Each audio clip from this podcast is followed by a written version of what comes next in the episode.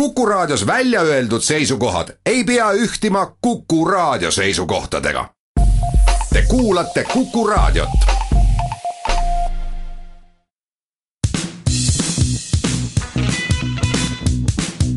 Põnts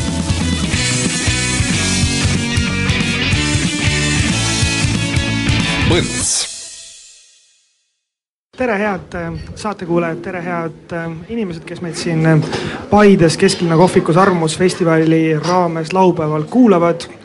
me lindistame seda saadet ette. see ehk siis laupäeval, loodetavasti siin vahepeal nädala jooksul midagi ei muutu, niisiis see saade võib sama hästi ka eetrisse minna. meil on täna on teemaks sotsioloogilised uuringud statistika, sotsioloogia tervikuna, avaliku arvamuse küsitlused ja muu selline teema. meiega on saates äh, sotsioloog äh, Juhan Kivirähk, tere. tere päevast. Äh, ja mina olen Huko Aaspõllu ja minu kaassaatejuht Janek Luts. aga alustame siis. meil on praegu käimas väga aktiivseks muutunud presidendivalimised ja me võrdlemisi tihedalt või teatava sellise regulaarsusega näeme erinevaid küsitlusi president, presidendikandidaatide populaarsuse kohta. Äh, ja Juhan, ma saan aru, et, et sina oled ka ühe nendest ettevõtete esindaja, kes neid läbi viib. et äh, noh, kuidas sulle tundub siis nii-öelda, et kas on adekvaatne? jah, ei pigem on niimoodi, et mida see uuring meile annab, sellepärast et rahvas ei vali presidenti, sa augustis tuled välja andmetega, et, et rahva seas on kõige populaarsem see kandidaat, see kandidaat, see kandidaat. jah avaliku arvamuse uuringute põhjal tõesti presidendi, tulevase presidendi isikut äh, ennustada ei saa. aga noh, poliitikud on rahva poolt valitud ja, ja nagu ka peaminister ja Reformierakonna esimees äh, Rõivas kevadel ütles, et nende erakond igatahes jälgib seda, kes presidendikandidaatidest ka rahva hulgas populaarne on. eks elame-näeme, praegu vähemalt on Reformierakond nimetanud oma kandidaadiks Riigikogus selle presidendikandidaadi, kes ei ole kõige populaarsem avalikus arvamuses. aga kas sulle ei tundu see natuke jabur, sellepärast et ähm, kui me nüüd mõtleme klassikalises mõttes Eestis välisministri persooni populaarsuse üle, et siis ta on alati olnud noh, põhimõtteliselt poliitikutest kõige populaarsem. ja kui me nüüd ütleme, et me paneme presidendikandidaadiks inimese, kes on kõige populaarsem, teades, et välisminister on alati noh, definitsiooni kohaselt hästi-hästi populaarne, et kas ei ole nagu kuidagi ebamõistlik või eba, ma ei tea, õiglane äkki? noh, eks elu, elu ei ole õiglane elu ei ole jah tõesti õiglane ja, ja eks see presidendikandidaatide esitamine noh, ei käi tõesti ainult äh, siis mööda avaliku arvamuse mustreid, et siin on nagu mängus poliitiline loogika, erakondade omavahelised kokkulepped ja ja noh, mm, siin ka eile õhtul presidentide debatil mm, oli ju nagu erinevaid arvamusi. reede õhtul siis? ja jah, reede õhtul jah, et et kõige, et üsna palju on hakatud tõesti rääkima presidendi otsevalimistest üha rohkem, aga noh, näiteks Eiki Nestor on selgelt seda meelt, et president ei peagi olema rahva poolt valitud, vaid olema selline erakondadevaheline usaldusisik või vahemees, eks ole, kes, kes erakondade usalduse pälvib. Ja siis on tõesti tähtis, et, et just nimelt erakonnad eh, parlamendis sellise isiku valivad ei, aga nüüd, kui tulla tagasi sinna arvamusküsitluse juurde, et kas sa põhimõtteliselt kujutaksid ette olukorda, kus mõni teine presidendikandidaat võiks olla noh, vähemalt sama populaarne kui noh, klassikalises mõttes Eesti väga populaarne välisminister. kas see selline, ma ei tea, stsenaarium on üldse võimalik? kujutan ikka ette selles mõttes, et ma arvan, et Marina Kaljurand noh, nüüd ei ole mitte ainult tänu oma välisministri ametile kõige populaarsem nendes küsitlustes küsimus lihtsalt selles, et tema nimi käidi kõige esimesena välja juba, juba mitu aastat tagasi vist ütles Keit Pentus-Rosimannus, et tema arvates võiks Marina Kaljurand olla hea peaminister ja ilmselt noh, rahvale on president tema esi-, president, et rahvale on tema esinemised meeldinud ja, ja ilmselt noh, oodatakse midagi tavapärasest erinevat, et meil ei ole ju olnud naispresidenti, noh, lätlastel oli Vaira Vike-Freiberga oli, oli väga populaarne ja esinduslik president. ei noh, aga siiski populaarsus, avalik arvamus. jah, kas jäi ikkagi kõlama, Juhan, sinu jutust, et, et kui tehakse sotsioloogiline uuring, öeldakse, et jah, vot see, see, selle toetus rahva seas on tõusnud, selle kandidaadi toetus on langenud. Nüüd läheneb see Riigikogu etapp, siis tuleb sealt veel tõenäoliselt siis valijameeste kogu, et siis tegelikult Riigikogu liikme või valimiskokku kuuluval inimesel peaks olema mingil määral siis see, see tabel ka ees, et ta peaks siis peegeldama seda, mida rahvas tahab või peame ikkagi leppima sellega, et ei otsita mitte parimat, vaid otsitakse sobivamat ja loomulikult. ja seal tekib mingi meil, selline skisofreeniline hetk, et. kuna meil ei ole presidendi otsevalimisi ja noh, avaliku arvamuse uuringud on, nende järgi riiki juhtida ei saa, see on, see on selge. et äh, avaliku arvamusega tuleb, tuleb arvestada ja, ja tuleb äh, inimestele selgitada, miks mingeid otsuseid tehakse.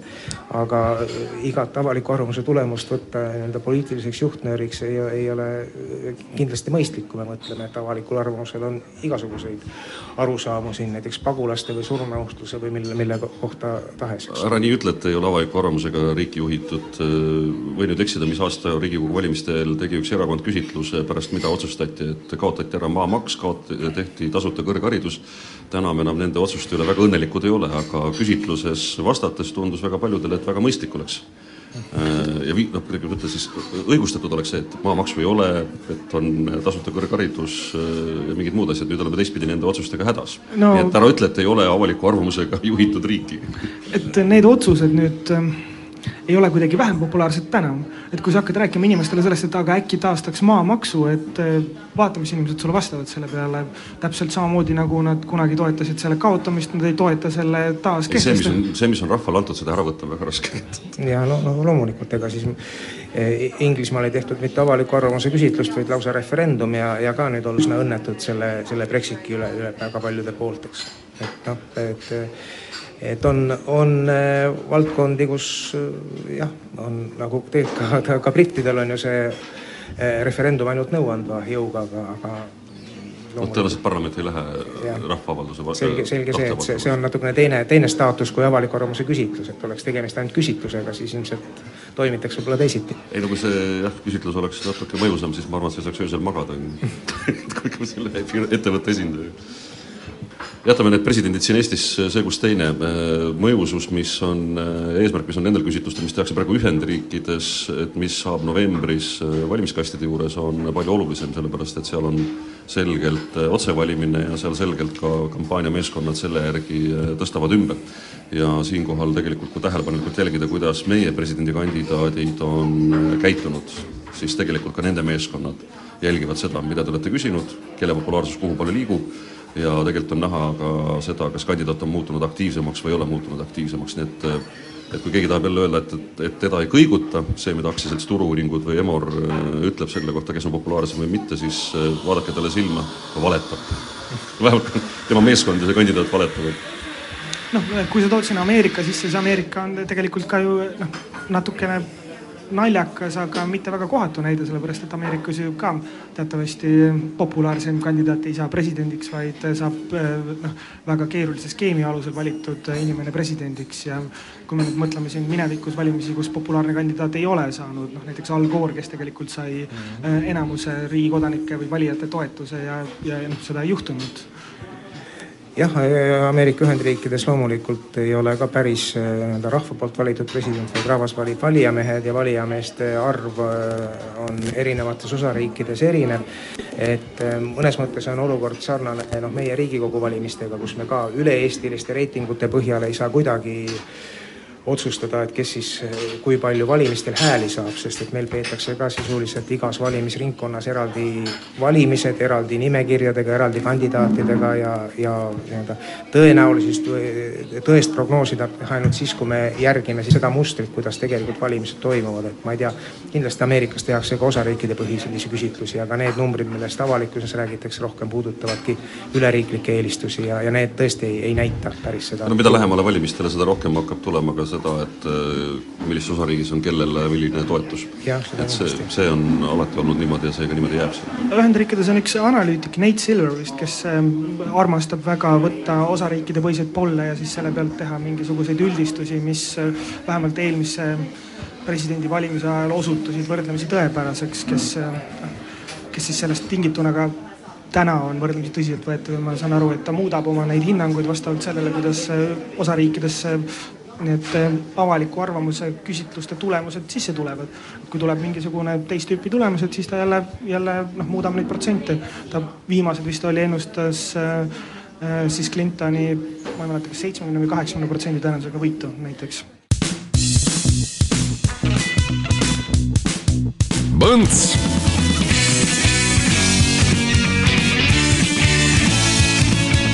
Põnts. Jätkame ja stuudios, õigemini siis Arvamusfestivalil BNS-i äh, kohvikus sotsioloog Juhan Kivirähk, saatejuhid Ukko Aaspõllu ja Janek Luts. Äh, Juhan, rääkisime eelmises osas sellest, et presidendi kampaania ajal tegelikult kampaaniameeskonnad jälgivad seda, mida küsitlused näitavad, kelle populaarsus tõuseb, kelle oma langeb, ei ole vahet, kas me oleme Ameerika Ühendriikides või Eestis. Äh, lihtsalt Eesti presidendil võimu natukene vähem ja Ameerika presidendil pärast võimu natuke rohkem aga, aga palju võib sinu hinnangul, olles nüüd selle ameti peal olnud üle kolmekümne aasta varsti, võib mõjutada tulemus, mida vahepeal tehakse, seda, et kas äh, populaarsus või toetus ühele või teisele kandidaadile võib muutuda? et see uuringu tulemus ise, kas see mõjutab kuidagi? no presidendivalimised on siin väga halb näide, sest et siin tõesti ei ole nii-öelda rahva eelistustel ei ole otsest mõju. aga kindlasti mõjutab näiteks see avalik arvamus ja see, mida uuringud näitavad. no võtame siis, võtame Riigikogu valimised, seal on nagu, seal on konkreetne Võta, käitumine. võtame näiteks konkreetse näite eelmistel valimistel, ma olen päris kindel, et äh, kui ei oleks avaliku arvamuse uuringuid, mis juba jaanuarikuust alates näitasid, et kaks uut tegijat, Vabaerakond ja EKRE, omavad potentsiaali pääseda Riigikokku, oleks nende pääs Riigikokku olnud märksa vähem tõenäoline kui siis, kui nüüd need uuringutest inimesed said kindlustunnet et, et, et tasub toetada, ühesõnaga, et, et on teisi inimesi veel, kes mõtlevad samamoodi nagu mina. sest muidu no ütleme, avalikus ruumis nendel erakondadel oli vähe raha, nad paistsid nagu noh, et nad ei ole piisavalt tugevad, eks ole, kõik on harjunud, et on neli suurt tegijat eelmisel perioodil Riigikogus, et et nende poolt hääletamine on kindel asi. Ja ka nemad kasutasid retoorikat, eks ole, et no umbes, et ärge visake häält prügikasti, eks ole, et et noh, et väikseid erakondi toetades nad ei pääse niikuinii ja siis lähevad hääled ümberjaotamisele ja nii edasi aga, aga see, et valija teab enne valimisi, milline on tegelik jõudude vahekord, on minu arvates valimiste nii-öelda aususe ja läbipaistvuse seisukohalt hästi oluline. Ja sellisel seisukohal on ka näiteks Maailma Avaliku Arvamuse Uurijate Assotsiatsioon, Vapor, mille liige ma olen ka, seal on antud välja eraldi eraldi bülletään ja igal pool jälle üle maailma, kui kuskil üritatakse nii-öelda valimiseelseid uuringuid keelustada või piirata, siis Vapor teeb alati avalduse, et et eh, noh, nemad on selle vastu, meil oli muide sama situatsioon oli, see oli vist aastal kaks tuhat kaks, kui Riigikogu tahtis keelata ära või panna, paigutada valimiseelsed uuringud ühte paragrahvi valimiseelse reklaamiga, et umbes siis, kui on keelatud aktiivne valimisreklaam, et siis eh, peaks olema keelatud ka uuringud, aga siis Vapor saatis ka märgukirja. siin on erinevate riikide kogemus on ja praktika on hästi erinev, et, et exit-pollide keelamine, uuringute keelamine kaks nädalat enne valimisi ja nii edasi, nii edasi. jah, jah, ei riike on erinevaid, aga ma arvan, et sa, sa jääd selle väite juurde, juurde, et, et eelmiste Riigikogu valimiste ajal just nimelt need äh, küsitlused, erakondade populaarsuse küsitlused andsid siis nii, nii palju sisulist informatsiooni, et äh, aitasid tuua sisse nii EKRE kui Vabaerakonna no,? kindlasti aitasid kaasa, noh, ütleme, nad said mõlemad üsna tugevalt üle, eks ole, kaheksa protsendiga, et äh, noh, see oli, et ütleme, viie protsendi künnis on alati selline eba, ebakindel asi, aga aga ma arvan, et see mõjutas väga, väga oluliselt äh, inimeste eelistusi. ma arvan, et sinna ahelasse võib tegelikult paigutada rohelist viimane kord parlamendist väljajäämise. selles mõttes, et kui inimesed nägid arvamusküsitlustest, et rohelised tõenäoliselt ei saa sisse, siis äh, noh, nende jagati hääl ümber. jah, et äh, need, no ei hääleta lihtsalt selle poolt. ja minu meelest ähm, üks hea näide, samamoodi kuidas arvamusküsitlused võivad asju mõjutada, on see, et ähm, nüüd Ameerika Ühendriikide presidendivalimiste raames räägitakse sellest, et, et republikaanid mõtlevad, vaadates Trumpi äh, kukkuvat äh, populaarsust, seda, et kas sinna on mõistlik raha paigutada või mitte, kas sellesse kampaaniasse on mõistlik ena-, noh, sisse matta nii-öelda head raha halva raha järgi. et äkki oleks mõistlik raha konserveerida ja paigutada seda noh, järgnevate noh, mitte presidendi, aga siis näiteks kongressi valimistele, kus, kus on äh, võimalik veel nii-öelda midagi päästa tulla, tulles nüüd poliitikast natukene teisele tasandile, et kui me räägime sellest, et meil on mingid valikud teha, äh, me peame midagi otsustama ja küsimus sellest, kes siis otsustab ja millise informatsiooni põhjal.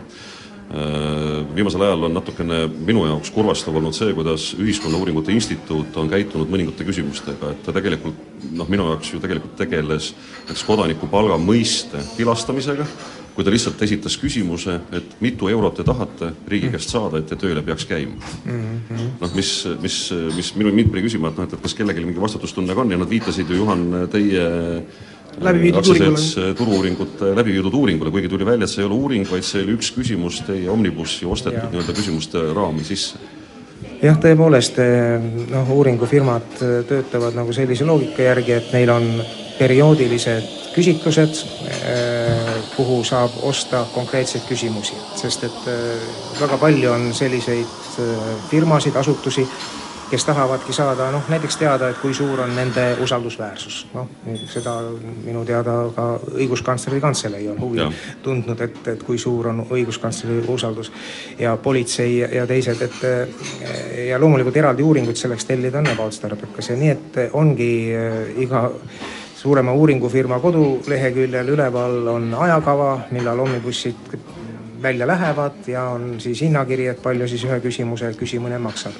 Ja, ja see on selline teenus, mida me tõesti, on avatud kõigile ja sinna kahtlemata ostavad siis ka erinevad tead-, teadusasutused ja ka Ühiskonnauuringute Instituut, eks ole, Tartust on, on ja mida, mida siis meie omalt poolt jälgime, on see, et, et küsimus oleks noh, nii-öelda korrektselt vormistatud, küsitav, et inimesed saaksid sellest küsimusest aru. Ja kui meie juurde tullakse noh, nii-öelda terve sellise paketi küsimustega, eks ole, et on tegemist mingi uuringuga, seal on võib-olla kakskümmend küsimust, et meie ei saa otsustada, et kas see on nüüd nii-öelda selline kindlate metoodiliste alustel koostatud küsimustik, et mis on seal nii-öelda hüpoteesid ja järeldused, et see eeldaks hoopis teistsugust suhet tellijaga, et ma sellesse kõigesse süveneksin. et see läheb meie Omnibussi ja me anname andmefaili tellijale ja nemad, see on juba nende vastutus, nii et see, et et seal figureerib nimi turu-uuringute, tähendab seda, et küsimused on esitatud elanikkonna esinduslikule mudelile ja esindavad Eesti elanikkonna vastuseid sellele küsimusele. kas üks küsimus on uuring? üks küsimus ei ole kindlasti uuring ja noh, kui siin äh, äh, au, austatud äh, meie sotsioloogia grand old man Ülo Vooglaid ütleb, et Eestis üldse ei tehta uuringuid ja tehaksegi ainult küsitlusi. eks ole, et noh, ma päris nii pessimistlikult ei suhtu, aga loomulikult uuring on see, kus on taga mingisugune kontseptsioon, on püstitatud hüpoteesid ja üks küsimus enamasti kunagi ei vasta ühiskonnas põletavale probleemile, vaid seda tuleb küsida erineva nurga alt, uurida ka neid tegureid, mis seda arvamust mõjutavad ja nii edasi, et siis on tegemist uuringuga Põnts.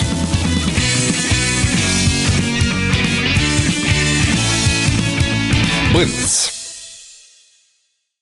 jätkame tänast saadet, mida salvestame siis avalikult Arvamusfestivalil BNS-i kohvikus. täna saates sotsioloog Juhan Kivirähk, saatejuhid Huko Aaspõllu ja Janek Luts ja äh, minnes nüüd siit äh, edasi. oota, ma tuleksin korra tegelikult tagasi, tagasi., sa ei taha edasi minna? ma tahaksin korra tagasi tulla, et ähm, kui sa ütlesid, et äh, Turu-uuringute aktsiasilt ei saa kontrollida, kas nii-öelda Omnibussi paigutatud materjali kasutatakse noh, õigesti või, või, või noh, noh, nii-öelda teaduslikult, ähm, et kas sellelt noh, sellest ma ei tea, järeldatud järeldused on ka siis päriselt reaalsed, relevantsed, ähm, kajastavad asju õigesti, on tõele vastavad ja nii edasi, et, ähm, et sellest, aga sellest hoolimata neid tehakse ja sinna juurde veel lisatakse, et ähm, noh, turu-uuringute aktsiaseltsil mm, tellitud uuringu tulemusel lähtus justkui mingisugune A, B või C. et see ju tegelikult noh kui otseselt ei ole eksitav, siis kindlasti läheb teie maine pihta, kui sealt äh, need tulemused on äh, väga reaalsusest erinevad. jah, no tegelikult ongi, et selle küsitluse läbiviija noh, nime, et Eestis natukene liiga võib-olla tähtsustataksegi, et ma tean, mujas maailmas on, eks ole, et on, on selle ajalehe läbi viidud küsitlus või eks ole, selle asutuse läbi viidud küsitlus, et kes selle konkreetselt tegi, eks ole, see on juba. ERR jätkab seda, et ta ütleb, et Eesti Rahvusringhäälingu tellitud. jah, jah, jah, just. uuring, mille viis läbi jah, et loomulikult on tähtis see, et kes on läbi viinud, sest et äh, noh, läbiviija võib, eks ole, ka keegi nii-öelda põlve otsas, aga et kui on tegemist uuringufirmaga, kes garanteerib, et äh, valimi poolt on kõik, kõik esinduslik ja loomulikult päris kallutatud küsimusi me ikkagi üritame, et küsitlustes sisse ei lähe, me juhime tellija tähelepanu sellele, eks ole, kui enne valimisi ikka keegi tuleb, et et paljud inimesed toetavad seda parteid, kas ka teie, siis, siis sellist küsimust me ikkagi, eks ole, ei küsi, et, et see hea tooni juurde jääb siis see, et on võimalus vastata nii poolt kui vastu. kas punased juuksed on õigustatud? ja jätta ka vastamata, jah. et aga, aga kui, kui tellija jääb enda juurde kindlaks ja ütleb, et see on tema nii-öelda metoodiline või metodoloogiline alus ja tema, tema uurimiskontseptsiooni osa, siis me, ma ütlen, et ma ei saa sellega vaielda, sest ma, mul ei ole alust või, või võimalust ega aega ja mul ei maksa keegi selle eest, et ma tema, tema sellesse teooriasse süveneksin, eks ole, kui ma, kui ma võtan vastu ainult küsimuse nojaa, aga küsimuse nii-öelda sõnastamisega sul on väga suures mahus võimalik eh, tulemust ju mõjutada. jah, ma loen ette selle küsimuse, mida ma enne natukene siis kirusin siin kujutleme hüpoteetilist olukorda, kus riik maksaks inimesele raha ning tööl käimisest võiks ka loobuda. Kas teie oleksite nõus loobuma tööl käimisest ning kui jah, siis kui palju te sel juhul sooviksite iga kuu riigilt raha saada? Ja pärast öeldi, et, et see on hinnang äh, kodanikupalgale. jah, no vot see ongi, eks ole, see on juba, ongi kallutatus mitte selles, et küsimusest me saime teada, et kui palju inimene tahaks raha saada, et mitte tööl käia, aga selle sidumine kodanikupalgaga on juba nii-öelda selle tõlgendamise küsimus. Ja, ja, ja siin tuleks siis kritiseerida seda, et alati, kui avaldatakse mingi väide, mis tugineb nagu mingile uuringule, siis oleks alati tarvis vaadata, et mida täpselt küsiti, kellelt küsiti, kui esinduslikult küsiti ja nii edasi et see on see valdkond, millega noh, tihti, tihti nagu patustatakse. jaa, aga noh, siinkohal muidugi ei saa ju eh, noh, rääkimata jätta meedia rollist selliste uuringute tõlgendamise osas, et tegelikult kui ikkagi tuleb sisse selline noh, pressiteade, kust iganes, et äh, mis väidab äh, mingisuguseid asju, siis äh, tihti lihtsalt see läheb üles. nagu kui meediaettevõte ise ei vastuta selle eest, mida ta teeb, siis ega noh, ei saa me esitada seda küsimust ka sotsioloogile, miks meedia käitub halvasti? Jah, et vähemasti kui, kui mina oma uuringu tulemusi esitlen, siis ma noh, ka Rahvusringhäälingule saadan alati väga põhjaliku aruande ja olen ka mõnikord olnud nurisenud, et et miks ei olnud seal kirjas seda, eks ole, millal täpselt küsitlus läbi viidi, millest sõltuvad küsitlustulemused, eh, kui palju inimesi küsitleti, noh, need on kõik olulised detailid, mida, mida on tarvis iga uuringu puhul teada. Mul on pigem nagu hoopiski teistsugune arvamus selles osas, et ma kahtlustan, et inimesed vähemalt Eestis fundamentaalselt tegelikult ei, ei saa statistikast väga hästi aru.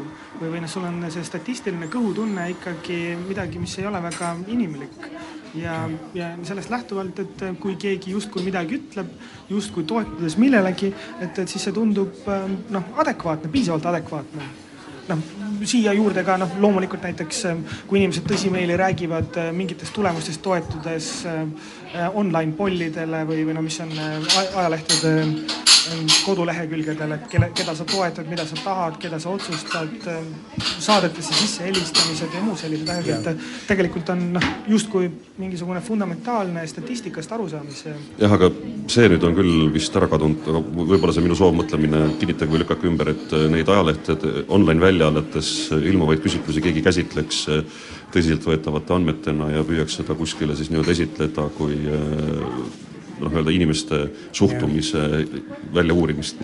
no enamasti mitte jah, aga jätkuvalt on mingisuguseid olukordi, kus keegi jätku, jätkuvalt viitab sellele, ütleb, näete, et seal oli sihuke küsitlus, kõik toetasid meie mõtet, meie ideed, meie kandidaati, noh, mingid sellised asjad ja lõppude lõpuks kui sa ka mõtled selle peale, et ähm, inimene, kes seda küsitlust vaatab, ta ise ju teeb sealt nii-öelda mingeid järeldusi.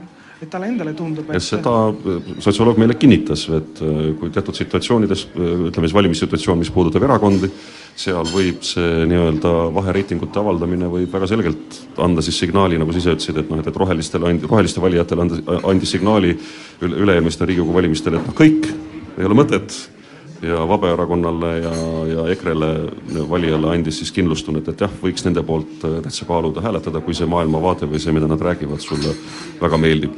aga, aga, aga jätkates seda, et mida tehakse internetis, et nüüd presidendivalimised lähenevad ja sain siis viite, et president kaks tuhat kuusteist punkt ee, et siin hakkab nüüd omaette jälle presidendikandidaatide poolt äh, nii-öelda häälte andmine noh, see on niisugune kodanikualgatusena, inimesed on teinud lehekülge, kui tõsiselt ma seda saan siis võtta? no seda, see on selline ideekorje platvorm, eks ole, et see ei ole, ei anna mingit sellist äh, pingerida või avaliku arvamuse pilti, vaid see on lihtsalt inimeste võimalus äh, nende presidendikandidaatide kohta arvamusi avaldada, aga omapoolseid kandidaate juurde pakkuda mis lähevad siis üles juhul, kui sinna tuleb kakskümmend kandidaati lisaks, nii et see on alles nii-öelda ideekorje alguses ja, ja seda kindlasti ei, ei reklaamita kui mingisugust platvormi presidendi tegelikuks valib ära presidendi. jah, et ikkagi, kui me tahaksime teada, kes saaks presidendiks, siis me peaksime küsitlema sada ühte Riigikogu liiget, selle katse minu arust ka Delfi ja Päevaleht tegid, oldid ühe valimiskastiga seal Riigikogus ja palusid. Ja päris hea nii-öelda saagi said ja, või siis need valijamehed, keda siis kohalikest omavalitsust tulevad ja neid katseid on ka tehtud, aga alati jääb küllaltki suur hulk inimesi, kes ütlevad, et valimised on salajased ja mina oma eelistust ei ütle, ka mitte anonüümselt. ja siis ongi küsimus, et kuhu poole siis need arvamused kalduvad. et see valdkond, et iga küsitluse puhul on nii-öelda neid, kes ei oska öelda, selle ei oska öelda tõlgendamine on üks eraldi selline teadus ja eraldi valdkond, millega on väga Äh, noh, näiteks alt mindud, nagu näiteks Brexiti puhul. et seal on ju ka, oli Brexiti poolt, Brexiti vastu ja need, kes ei osanud öelda. ja ütleme, selline avaliku arvamuse uuringute kogemus ütleb, et, et sellises, need, kes ei oska öelda, kalduvad toetama status quo'd ja selle põhjal tehti järeldus, et eh, jäädakse nii-öelda Euroopa Liitu, aga eh, pärast üks eh, Prantsuse sotsioloog Claire Durand, kes peab blogi, ütles, et tegelikult inglaste jaoks oli status quo mitte Euroopa Liit, vaid see, mis oli enne Euroopa Liitu, ühesõnaga, et, et, et see, et see Brexit läbi läks, et nad just nimelt taastasid oma status quo. et selle, selle ei oska öelda rehkendamisega läks natukene valesti ja, ja sellest tulid ka valed prognoosid ma pigem tuleksin korra tagasi selle juurde, et äh, Juhan. sa nüüd elus kunagi edasi, edasi ka lähed, sa tuled kogu aeg tagasi? ma lähen kogu aeg edasi, ma lihtsalt deklareerin neid kordi, neid kordi, kui ma tagasi tulen, et see väga harva juhtub, aga alati ütlen ette. ehk siis äh, äh, kuidas see sinu hinnangul on üldse Eestis sellise, ma ei tea äh,, statistikast arusaamisega? Äh, no eks paljudest asjadest arusaamisega ei ole Eestis eriti hästi, et me täna hommikul kuulsime või laupäeva hommikul kuulsime euro arutelu laval, et Euroopa Liidust arusaamises on Eesti tagantpoolt kolmas Euroopas, et kõige viimane oli Suurbritannia, siis oli Läti ja siis oli Eesti, eks ole. Et kuidas Euroopa Liit toimub, et sellest ei saadaks saada aru, et et noh, mina olen jah, kolmkümmend aastat uuringuid teinud ja, ja vähemalt need oma, oma kolleegide puhul ma olen kindel, et me, me saame aru, mida me teeme, aga aga, ja oleme jõudumööda püüdnud seda siis ka ikkagi avalikkusele selgitada, et mida tähendab esinduslik uuring ja mitte iga uuring ei ole, ei ole esinduslik. ja muidugi praegu on jah, üleval see vaidlus, mida, mis on siin aktuaalne, on see internetiküsitlused, eks ole, mis on märksa lihtsam ja odavam. tegelikult on küsitluste läbiviimine väga kallis töö, kui me mõtleme, et oleks esinduslik valim eh,, valida, tellida juhuslikud aadressid üle Eesti, tagada, et, et just nende aadresside juurde küsitlejad lähevad, konkreetsed reeglid, kuidas konkreetset aadressilt inimest leitakse. kõige selle jälgimine, kontrollimine, tagamine on väga kallis, et palju lihtsam on saata välja emailid ja, ja, ja saada siis vastused. aga jälle jällegi, kui, kui usaldusväärne, eks ole, see on, et selle kohta nagu kindlat teoreetilist alust ei ole. Põnts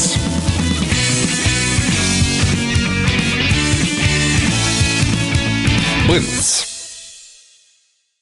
jätkame saatega, eetris on Huko Aaspõllu, Juhan Kivirähk ja Janek Luts. me lindistame seda saadet Arvamusfestivalil Paides äh, vanalinna või kesklinna kohvikus, mis hetkel on BNS-i pressikohvik.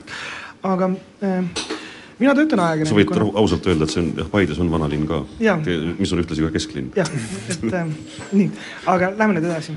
mina töötan ajakirjanikuna ja ma ajakirjanikuna näen vahetevahel täiesti ilmselgelt äh, ja noh, mulle vähemalt tunduvalt ilmselgelt vigase metodoloogia järgi tehtud erinevaid uuringuid, näiteks äh, saadab äh, populaarne töö leidmisportaal äh, mingisuguse, ma ei tea, palgaootuste uuringu, mis põhimõtteliselt koosneb sellest, et nad on oma kodulehele pannud üles küsimustiku, kus inimesed saavad klõpsata, et mis on nende palgaootus järgmisele töökohale ja, või, või noh, mingeid sarnaseid asju ja, ja tegelikult terve meedia siis paneb selle hopsti romaki üles ja kõik räägivad sellest, et. palju õnne turundusosakonnale. ei no muidugi palju õnne. turundusjuht tegi väga hästi tööd. ei, aga turundusjuht teebki väga tugevat tööd, aga ma lihtsalt. reklaam tasuta käes. Äh, vaatan seda ja olen hämmastunud, see tegelikult see ei näita mitte midagi võiksid selle süti, sütistava, sütitava kõne pidada BNS-is äh, toimetuses, et ärme avalda seda. ja, ja aga me ei teegi seda ah,, meie ei teegi tubli. seda, aga ma ju näen hiljem nagu. sa pead hakkama käima toimetusest toimetusse pidama. ei, aga vaata, kui sa nüüd mõtled meedia toimimise loogika peale, siis tegelikult kui rääkida palgast, siis see on nagu noh